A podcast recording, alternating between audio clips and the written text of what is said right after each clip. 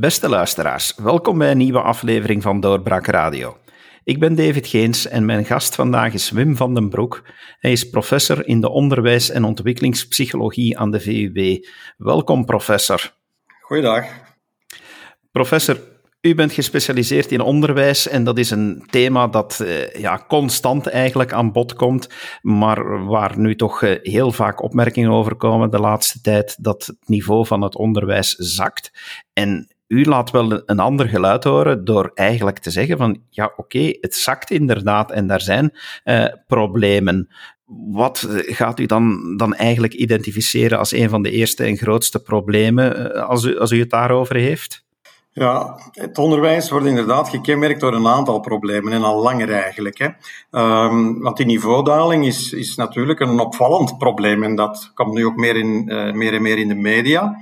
Um, in het begin, toen dat, dat eigenlijk ja, voor de eerste keer zo zichtbaar werd, dat is ondertussen, denk ik, goh, zo'n vijf jaar geleden, dat dat echt, uh, of, of vijf à tien jaar misschien, als je, als je heel gedetailleerd zou kijken naar sommige peilingen. Um, maar dan werd dat in eerste instantie toch nogal ja, door een aantal mensen eerder ontkend of geminimaliseerd. Ondertussen gaat dat niet meer echt, hè, om dat te minimaliseren, omdat natuurlijk er zoveel peilingen al, al verricht zijn. Denk aan de PISA-peilingen, maar nu die recente TIMS-peilingen, maar ook allerlei uh, andere peilingen van, van, van uh, onderwijsverstrekkers zelf bijvoorbeeld. Denk aan inter, interdiocesane proeven, aan, aan ja, ook testen op CLB's en zo verder. Enfin, dus er, zijn daar heel wat, um, er is heel wat materiaal op dit moment al ter beschikking waardoor we eigenlijk toch wel zeker weten dat er iets aan, aan de hand is. Hè. Dus dat kan eigenlijk nu nog moeilijk ontkend worden. Maar ik zeg het net, het is, het is, het is natuurlijk het meest opvallende probleem. Het is ook een heel groot probleem, die niveaudaling. En daar zal ik natuurlijk nog meer over proberen te vertellen. Maar er zijn wel wat andere problemen ook, hè, die daar uh, al dan niet mee gepaard gaan, alleszins tegelijkertijd ook wel optreden. Denk bijvoorbeeld aan uh, veel te vroege uitstroom van, uh, van leerkrachten uit het onderwijs, hè, wat dat toch ook een heel groot probleem is. Um, leerkrachten die snel aanlopen tegen burn-outs bijvoorbeeld. Dus dat is toch ook uh, een belangrijk probleem. Maar er zijn natuurlijk ook al problemen die ook al wat ouder zijn en, en die ook, ook goed bekend zijn. Hè. De problematiek uh, wat betreft taalvaardigheid, Nederlandse taalvaardigheid, ook bij nieuwkomers onder meer, maar niet alleen bij nieuwkomers. Dus, dus ook, ook, dat wordt al langer aangekaart. Dus dat daar ook een achteruitgang te zien is en zo verder. Dus er zijn daar toch wel een aantal signalen. Um, ja, die erop wijzen dat, dat er toch wel iets aan, aan de hand is met ons onderwijs. Dus ja, dus, ja. Je, je hoort nogal wel eens zeggen, en ja, ik durf die stelling soms ook poneren, dat men in de zoektocht naar meer kansen uh, die kans heeft willen vergroten door iedereen over de lat te krijgen en dat de makkelijkste oplossing dan was om die lat alsmaar lager te leggen. Is dat ja, een volkse wijsheid of, of zit daar een grond van waarheid in?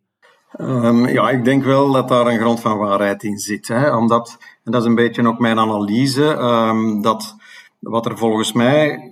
Er zijn meerdere oorzaken, ongetwijfeld hoor. Dus, dus het is zeker niet tot, tot één, één oorzaak te herleiden, maar toch die verschillende ja, oorzaken. En er zijn dingen, verschillende dingen al ooit genoemd geweest. Hè. Dus, dus uh, ik zeg het, uh, zo dingen zoals toegenomen migratie, verla het verlagen van het niveau van, van instroom van leerkrachten zelf en al dat soort zaken. Maar ik denk, een van de belangrijkste factoren is toch dat sinds een aantal decennia, ondertussen zo ongeveer sinds de jaren ja, 90, is dat, vroege jaren 90 is dat zeker op gang gekomen, is er um, ja, heel veel uh, kritiek eigenlijk uit op ons onderwijs. En, en die, dat is ook op zich niet nieuw, hè, dat er kritiek is op het onderwijs. Hè, want eigenlijk zou je zelfs, als je dat op langere termijn historisch uh, beschouwt, zou je zelfs kunnen zeggen dat er altijd al, al een soort slingerbeweging aan de hand of aan de gang is geweest. Zelfs sinds, zelfs sinds Rousseau kun je dat al zien. Hè. dus, en die slingerbeweging die houdt eigenlijk in dat men aan de ene kant dikwijls ja, bijvoorbeeld de nadruk legt op, op um, ja, zelfwerkzaamheid van de leerling, dat het allemaal zoveel mogelijk hè, vanuit de leerling zelf moet komen. Um, en dan probeert men dikwijls uh, dat soort ideeën, hè, dus dat is een soort van pedagogisch concept zou je kunnen zeggen, probeert men dat soort ideeën toch wel ook in een aantal regels of in een aantal ja, curricula en zo verder te gieten, maar dat, op de duur gaat dat dan weer knellen, ga, hè, krijg je dan een beetje het idee van, van ja, um, dat is allemaal weer te strak. En dan, hè, dus, en dan gaat de slinger weer terug, hè, naar dat, hè, terug, terug meer naar dat uh, zelfredzaamheid hè, of zelfwerkzaamheid van de leerling. Dus die, die slinger is er altijd wel geweest. Maar de laatste decennia is er iets fundamenteel, denk ik, toch wel veranderd. En dat is een meer wezenlijk in vraag stellen van het onderwijs. En dat is tevoren eigenlijk nooit echt gebeurd. Er was wel een slingerbeweging, maar dat, dat, kwam, uh, dat waren wel accentverschillen, zou je kunnen zeggen. Hè. Um, maar de laatste, uh, dus sinds de jaren 90, al in vroege jaren 90 denk ik, eind de jaren 80 al een beetje, zie je eigenlijk dat er heel fundamenteel kritiek gespuit wordt um, op het onderwijs. En die kritiek komt, en dat is zeer opvallend, van de academische wereld vooral. Dus die, die komt niet direct van leerkrachten, zij zullen daar later natuurlijk kennis van nemen. Maar het komt er eigenlijk op neer um, dat ja, alle dingen die we zowat associëren met, met uh, met onderwijs, of die we klassiek associëren met onderwijs, zoals uh, klassikaal lesgeven, zoals het jaarklassensysteem, het feit dat we dus hè, telkens um, leerlingen laten, dus uh, voor een leeftijdsgroep en dan pas overgaan enzovoort. Dus en zitten blijven, bijvoorbeeld, hoort daar natuurlijk ook bij, huiswerk geven, al die dingen. Hè, dus die werden allemaal, ja, die moesten allemaal op het groot vuil, bij manier van spreken. En dat was allemaal niet goed.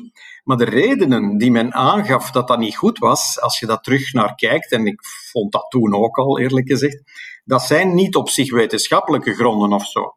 Nu, dat hoeft niet direct de kritiek te zijn. Ik, ik vind um, zelf ook wel dat je onderwijs niet volledig kan baseren op wetenschap, omdat onderwijs in C eigenlijk ook altijd iets te maken heeft met, met, uh, met waarden. Hè? Dus dingen die we belangrijk vinden om door te geven aan de jonge generatie.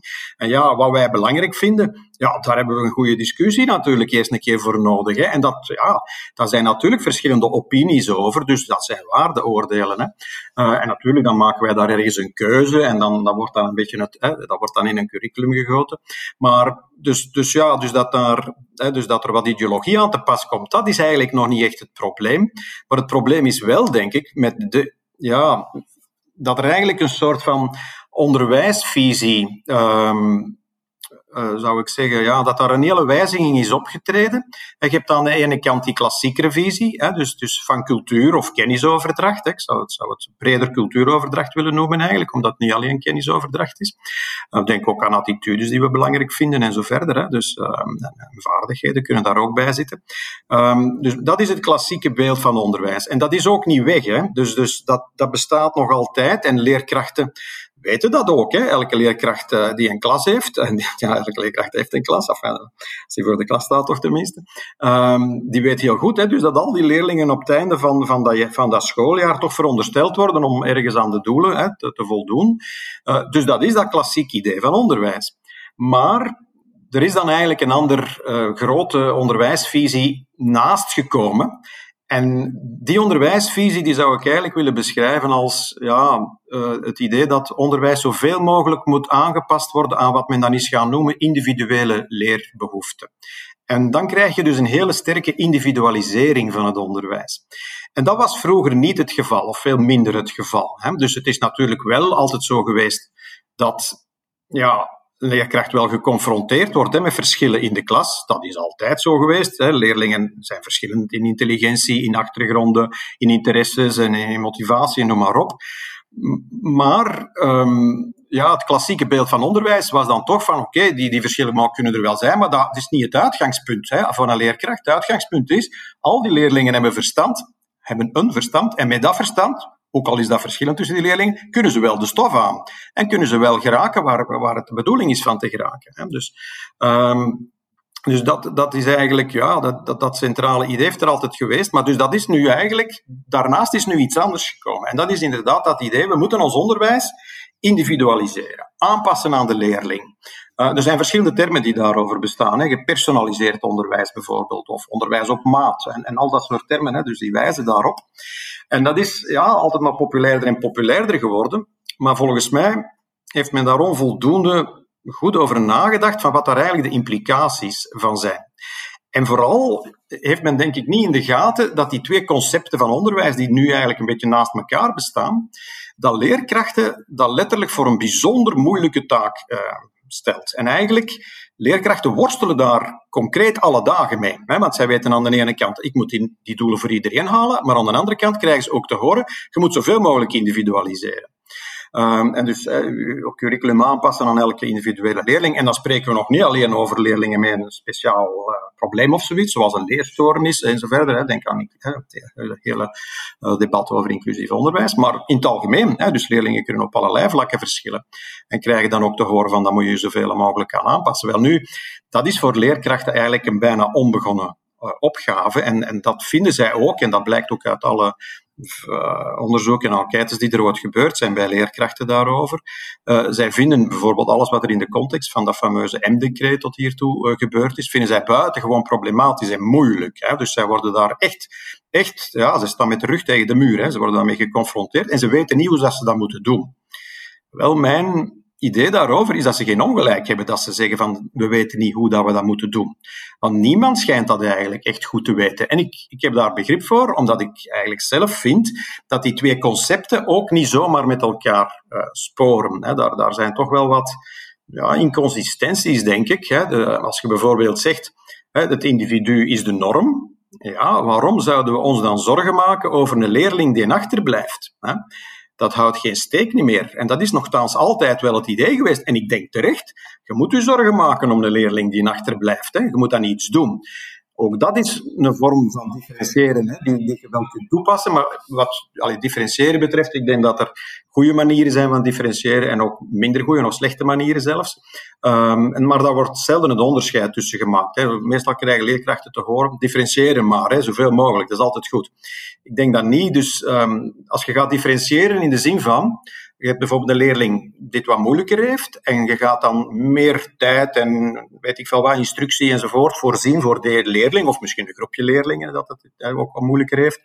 Uh, om ervoor te zorgen dat ze mee kunnen, hè, dan zorg je er eigenlijk voor hè, dus dat ze de doelen wel gaan halen. Dat, dat, dan spreekt men van convergente differentiatie. Hè.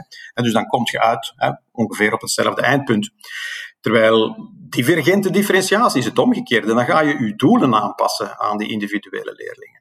En ik denk, en dan ben ik eigenlijk bij de kern van, van wat ik daarover te zeggen heb, um, en, en ook bij een van de belangrijkste factoren volgens mij die ook voor die niveaudaling gezorgd heeft, en dan vooral toch ja, de laatste vijf à tien jaar zo, dat is dat, dat idee om, om dat onderwijs altijd maar meer aan te passen aan de leerling dat leerkrachten daar heel sterk um, ja, van overtuigd zijn geraakt, stilletjes aan, ook in hun opleidingen enzovoort. Hè.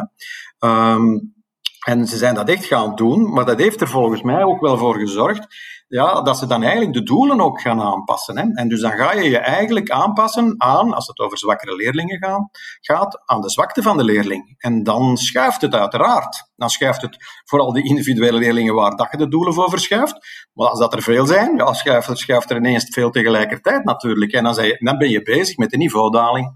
Um, en dat heeft men denk ik veel te weinig, um, ja, over, daar heeft men veel te weinig over nagedacht, of dat heeft men te weinig um, mee bezig geweest om, om, om ja, om, uh, hoe zou ik zeggen, uh, dat te weinig in de gaten gehad, dat dat eigenlijk ja, toch, wel, toch wel een proces is dat nu aan de gang is. Hoe goed bedoeld dat dat ook allemaal is, hè? uiteraard. Hè? Alle leerkrachten doen hun uiterste best en hun uh, stinkende best, zou ik zeggen, om, om, ja, om alles te doen wat ze kunnen voor die leerlingen. Maar ja, die, dus die visie hè, van, van dat heel sterk gaan individualiseren, wat misschien bij, enk, bij een, als, als dat een uitzondering blijft, denk aan het inclusieve, hè, het inclusief onderwijs. Als je nu een leerling hebt waar je van zegt vooraf, oké, dat is een leerling wat we vooraf van weten, die gaat de einddoelen niet halen, we gaan daar een apart eh, curriculum voor opstellen. Dat, als dat een uitzondering is in uw klas, dan is dat natuurlijk geen probleem en is dat haalbaar waarschijnlijk. Hè. Maar natuurlijk, dat gebeurt nu altijd maar bij meer en meer leerlingen. Hè. Uh, dus ja, en dat denk ik is vrij problematisch. Moeten we dan terug kijken naar, naar hoe het was en meer terug gaan halen uit de vroegere systemen. Durven klassikaal lesgeven. U noemde het al ook, durven uh, tegen een kind zeggen van kijk, het is beter dat je, dat je een jaartje overdoet. Moeten we durven terug meer onderscheid maken tussen diegenen die wel vlot mee kunnen en diegenen waar dat dan iets meer of iets anders voor nodig is? Uh, ja, in het algemeen uh, is het niet mijn positie dat het vroeger allemaal beter was. Hè? En dat we zomaar kunnen terugkeren naar vroeger. Hè?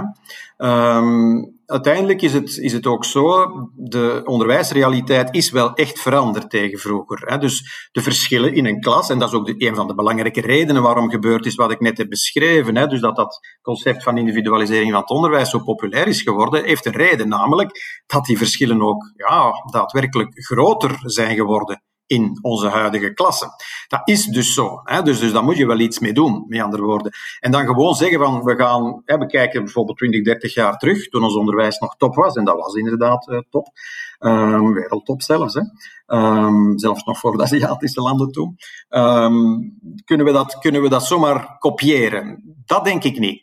Maar wat we wel moeten doen, is uiteraard de waardevolle dingen die eigen waren aan, uh, aan goed onderwijs, hè, dus, en, die misschien ook een soort van, hoe zou ik zeggen, eeuwig karakter bijna hebben, in de zin van, al dat waardevol is, blijft natuurlijk altijd waardevol.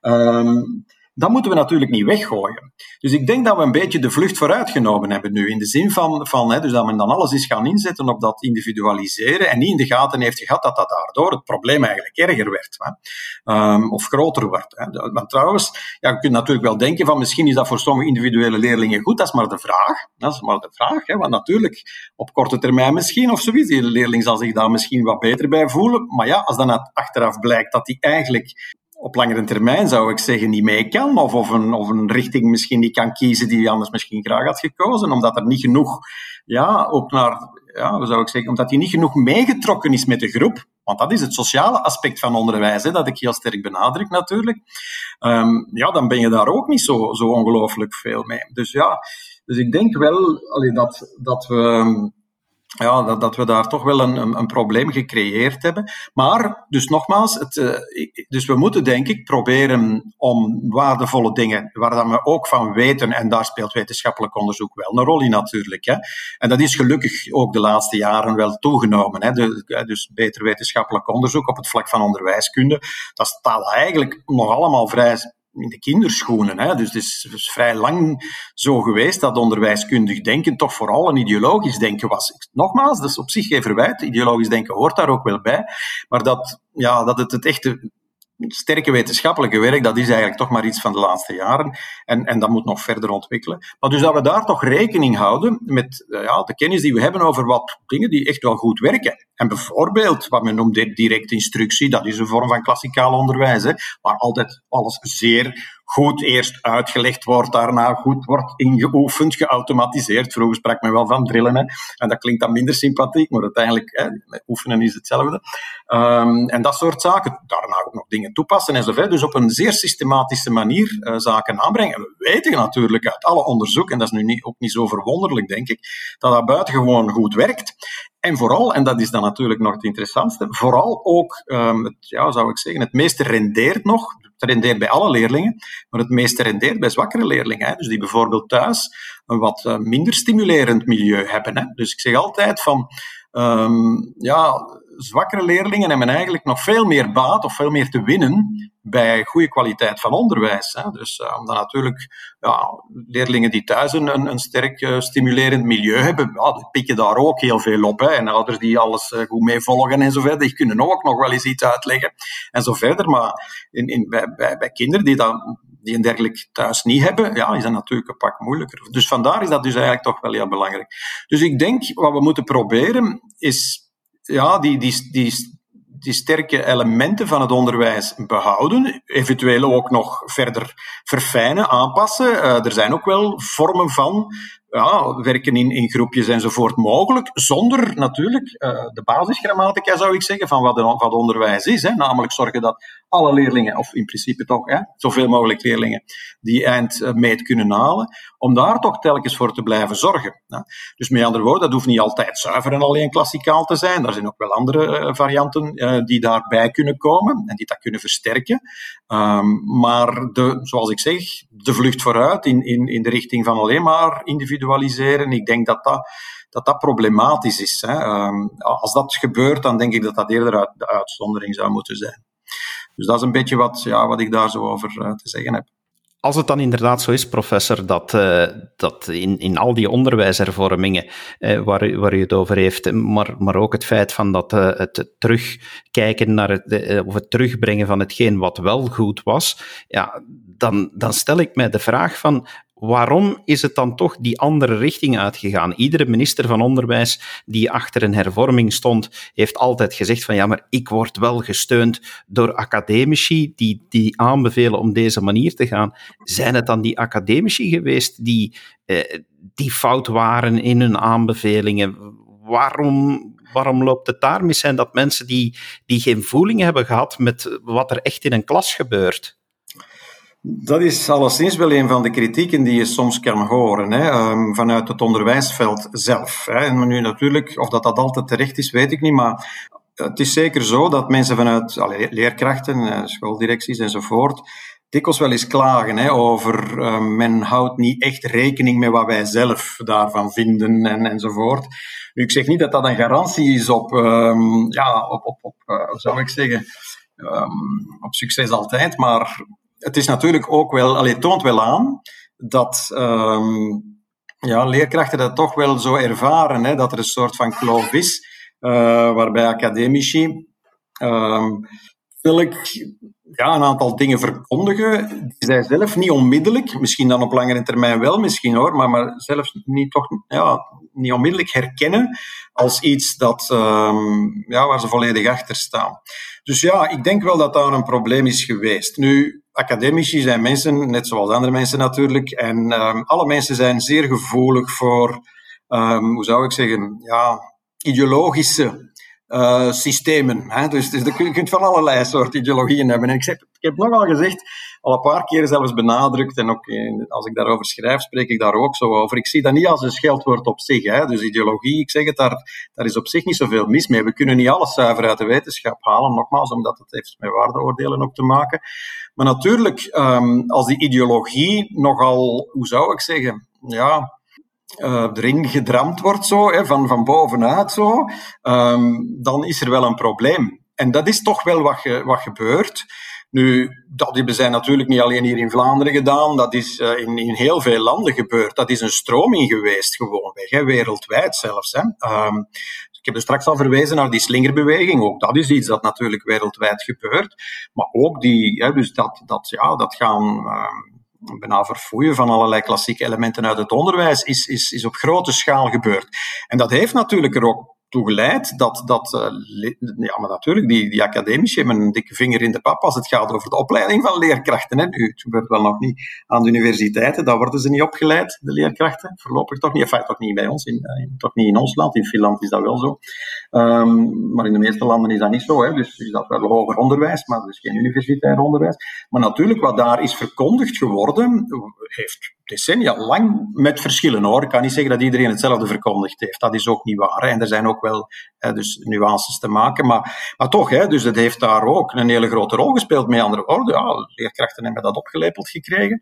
En ja, zijn daar natuurlijk ook voor een deel dan toch in gaan geloven met de tijd. Hè. Dus, uh, en het, vooral in het basisonderwijs heeft dat het meeste impact gehad. Het secundair heeft veel langer geduurd. Dat is ook niet zo onlogisch. Hè. Uh, leerkrachten secundair onderwijs zijn deels universitairen en, laten, en hebben hun eigen vak en laten zich niet zo gemakkelijk, um, hoe zou ik zeggen, beïnvloeden. Dat ligt toch wel iets anders. Maar daar zijn de dominosteentjes uiteindelijk ook aan het vallen. Dat is wat we nu zien, volgens mij. Hè. Dus, de, de dominosteentjes vallen overal, tot en met in het hoger onderwijs, tot en met in het universitair onderwijs, overal.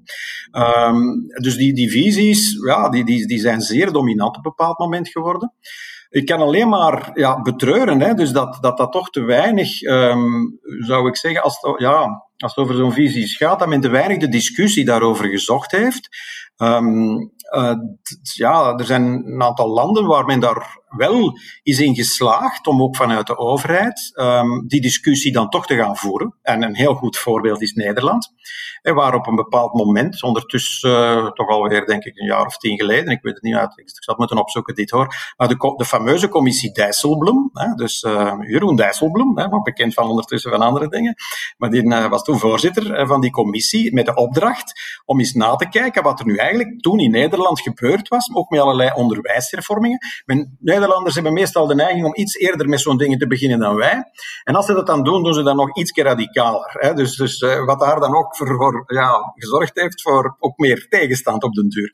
En dus in die commissie Dijsselbloem is men eigenlijk tot, de, ja, tot, de, tot, de, tot het besluit gekomen dat al die hervormingen, die, die, ja, dat heette daar onder andere het nieuwe leren en het studiehuis en al die termen daar, oké, dat is, dat is, kennen dat nu niet onder die termen direct, maar ja, het nieuwe leren wordt hier bij ons ook wel gebruikt. Maar dus de conclusie was dat dat eigenlijk allemaal niet goed gefundeerd was. Hè? Dus, dus dat daar niet echt goede argumenten voor waren. Dat is natuurlijk een dodelijke conclusie. Hè? Um, en ondertussen is dat een rapport. Men weet dat in Nederland, maar Goed, um, want er is nu ook al bij ons ondertussen een, een discussietje op, op, op, sociale media, denk ik, vooral voorlopig. Of ik heb het ook al wel eens in, de, in enkele kranten zien staan, de vraag of het misschien ook bij ons niet moet gebeuren om er een, een parlementaire onderzoekscommissie aan te wijden. Hè, van wat is er gebeurd met dat onderwijs? Hè. Natuurlijk, ach god, ehm, als dat moet gaan over wie is daar schuldig aan, ik heb het al gezegd, dat gaat mij absoluut niet over personen. Ik kan nu heel veel namen noemen, maar eigenlijk komt het erop neer dat je bijna alle onderwijskundigen dan moet noemen, die tot hiertoe in, in het academische niet allemaal, hè, maar toch heel veel, uh, die in de academische wereld ja, belang hebben gehad. En, en, en ja, dus, dus actief zijn geweest. En ja, die, die, die daar zeker een rol in hebben gespeeld. Maar ik zeg het, het is, ja, dat is een trend geweest en iedereen dacht, of bijna iedereen dacht bijna op die manier. Um, ja, en dan is dat natuurlijk ik zeg het, enfin, het, zou, het zou wel zinnig zijn hè, om daar. Ik vind wat er wel moet gebeuren, los van een onder, onderzoekscommissie, wat er sowieso moet gebeuren, is dat we, een, dat we echt discussiëren over die onderwijsvisies. Anders komt dat natuurlijk niet goed. Hè? Want nu zie je eigenlijk dat heel veel ja, specifieke dossiers uh, bestaan in onderwijsland. Hè? Dus je hebt, je hebt het dossier van, hè, van de leerlingbegeleiding, hè, dus het M-decreet. Je hebt het dossier van de sociale ongelijkheid. Je hebt het dossier van de taalachterstand. Je hebt het dossier van, van, uh, van, allemaal, ja, dus van niveaudaling enzovoort. Al is maar men percipeert dat als het ware dikwijls als ja, losse dossiers naast elkaar. Maar die hebben natuurlijk allemaal een verband. En dus dat verband zijn die achterliggende onderwijsvisies. Hè? Dus hoe zit dat daarmee? Wat vinden we daar nu van? Ik heb daar mijn mening over. Ik, heb daar een aantal dingen ondertussen over gezegd en over geschreven, al talrijke keren trouwens. Ik zeg dat trouwens al, al veel eerder, hè, al veel langer, maar ja, toen was het natuurlijk nog preken in de woestijn. Maar oké, ondertussen zie ik wel dat er een hele kentering nu op gang is gekomen. Niet alleen in Vlaanderen, ook in Nederland, maar ook in andere landen in Europa. Waar men, ja, dus die slinger dan toch weer terug. Hè, op een moment dacht ik, gaat hem nog wel terug, maar blijkbaar gaat hij inderdaad toch wel weer wat terug. Hè, dus uh, ja, waar dat men toch probeert inderdaad, wat ik er straks zei, van, van uh, waardevolle elementen uit het uh, klassieke onderwijs te herwaarderen en kijken ook van wat kunnen we daar nog aan verbeteren en, wat zijn ook nog goede nieuwe ideeën die wel echt uh, goed werkzaam zijn enzovoort. Dus eigenlijk toch het idee dat, dat dat onderwijs, dat we daar ja, goede discussies moeten over hebben, dat we ook moeten rekening houden met, met goed wetenschappelijk onderzoek. En het wat opvallende is eigenlijk dat dat nu vooral gebeurt, niet aan de universiteiten, hè, maar aan de hogescholen. En in de praktijk, hè, dus een aantal, eh, ik zou bijna ze durven zeggen, privé-initiatieven van leerkrachten in Nederland en Vlaanderen, die zich daarachter scharen en die daarmee aan de slag gaan. En dat is heel hoopvol. Maar het is natuurlijk wel um, pijnlijk om te zien dat de academie heel moeilijk volgt. Hè. dus dus um, dat zal wel volgen hoor, dat gaat automatisch volgen, dat kan niet anders.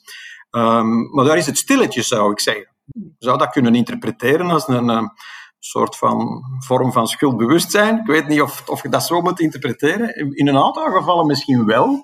Um, maar schuld, nogmaals, het is, het is waarschijnlijk een verkeerde term. Hè. Mijn, mijn, mensen hebben het recht om zich te vergissen. Hè. Ik ben daar, op, daar ben ik op zich niet zo streng over. Hè. Mensen kunnen allerlei dingen denken. Ik heb daar veel begrip voor. Uh, ja, bedoel, ik snap wel hè, wat de aantrekkingskracht is van, van ja, ideologieën die, die een aantal dingen, ja, misschien ook vanuit hun eenvoud, hè, dikwijls, hè, ehm, geformuleerd worden als een soort van radicaal recept. Dat heeft aantrekkingskracht. Maar goed, ja, je moet daar denk ik, onderwijs blijft de praktijk, hè? dat is geen theorie. Um, dat is geen wetenschap, dus ook niet alleen maar. Hè? Dus dat is een praktijk. En ja, praktijk moet je met alle mensen die in die praktijk zitten kunnen praten. Hè? En al die stemmen moeten ergens gehoord worden, dat is natuurlijk niet niks. Maar... En dat gebeurt veel te weinig. Veel te weinig, eigenlijk, eigenlijk ja, onvoldoende, denk ik. En dat moeten we eerst doen.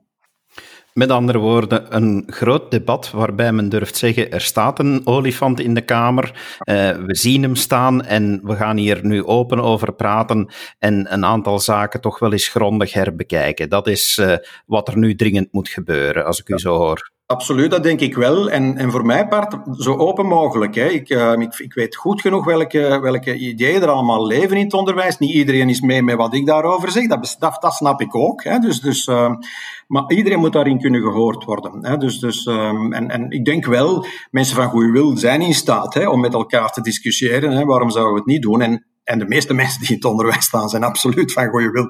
En meer zelfs dan van goede wil. Hè. Dus um, dat, dat is zeker zo. Maar dat moet absoluut gebeuren. En, en ja, dat kun je ook specificeren naar bepaalde dossiers toe. Maar ik zou eerder, ja, ik zou toch echt ook die, die algemene onderwijsvisies, dan moeten we daar toch wel ja, durven, durven, ja, inderdaad, die, die olifant uh, een keer goed bekijken, hè, hoe dat er nu uitziet. En, en dan vervolgens niet daarbij blijven natuurlijk. Hè. We moeten er echt wel zeggen, het onderwijs is een praktijk, we moeten wat doen. Hè. Um, want we moeten ervoor zorgen dat dat niet blijft naar beneden gaan, uiteraard. Maar dat, dat er ergens een keer een kentering komt. Dat, pas op, dat gaat wel even duren. Hè. Dat is niet zo moeilijk om te voorspellen. Um, ja, dat zijn tankers die natuurlijk ja, moeten gekeerd worden. Dat gaat niet zo vanzelf. Maar het gaat wel moeten beginnen met, met, ja, met ideeën, met visies. Hè. En, en, en overtuiging van mensen, uiteraard. Dat begint dat. Um, en dat moet, ja, dat moet denk ik echt wel, wel gebeuren. En ja, goed, een gesprek als dit kan daarbij helpen. Hè? Dus, uh, en dingen die we daarover schrijven, maar ook andere mensen, kan daar allemaal bij helpen. Professor, ik denk dat het inderdaad heel uh, leerrijk was en goed dat we dit thema verder hebben uitgediept en uh, dat we enorm dankbaar kunnen zijn voor het feit dat u dit uh, uitgebreid hebt toegelicht. Dank je wel daarvoor. Graag gedaan. En u, beste luisteraar, onderwijs is veel te belangrijk om te laten liggen en alleen aan academici over te laten. Dus uh, hopelijk heeft u dit ook wat geholpen om er verder over na te denken en uw mening erover te vormen. U mag ons die ook altijd laten weten via ons e-mailadres podcast.doorbraak.be. Uh, als we nog bepaalde suggesties krijgen, dan kunnen we op zoek gaan naar nog meer specialisten die over dit onderwerp wat kunnen meedelen. Dankjewel en graag tot de volgende keer. Dag. Dit was een episode van Doorbraak Radio, de podcast van doorbraak.be. Volg onze podcast op doorbraak.be/slash radio of via Apple Podcasts, Overcast of Spotify. Bezoek ook onze website op doorbraak.be en steun ons door een vriend te worden van Doorbraak.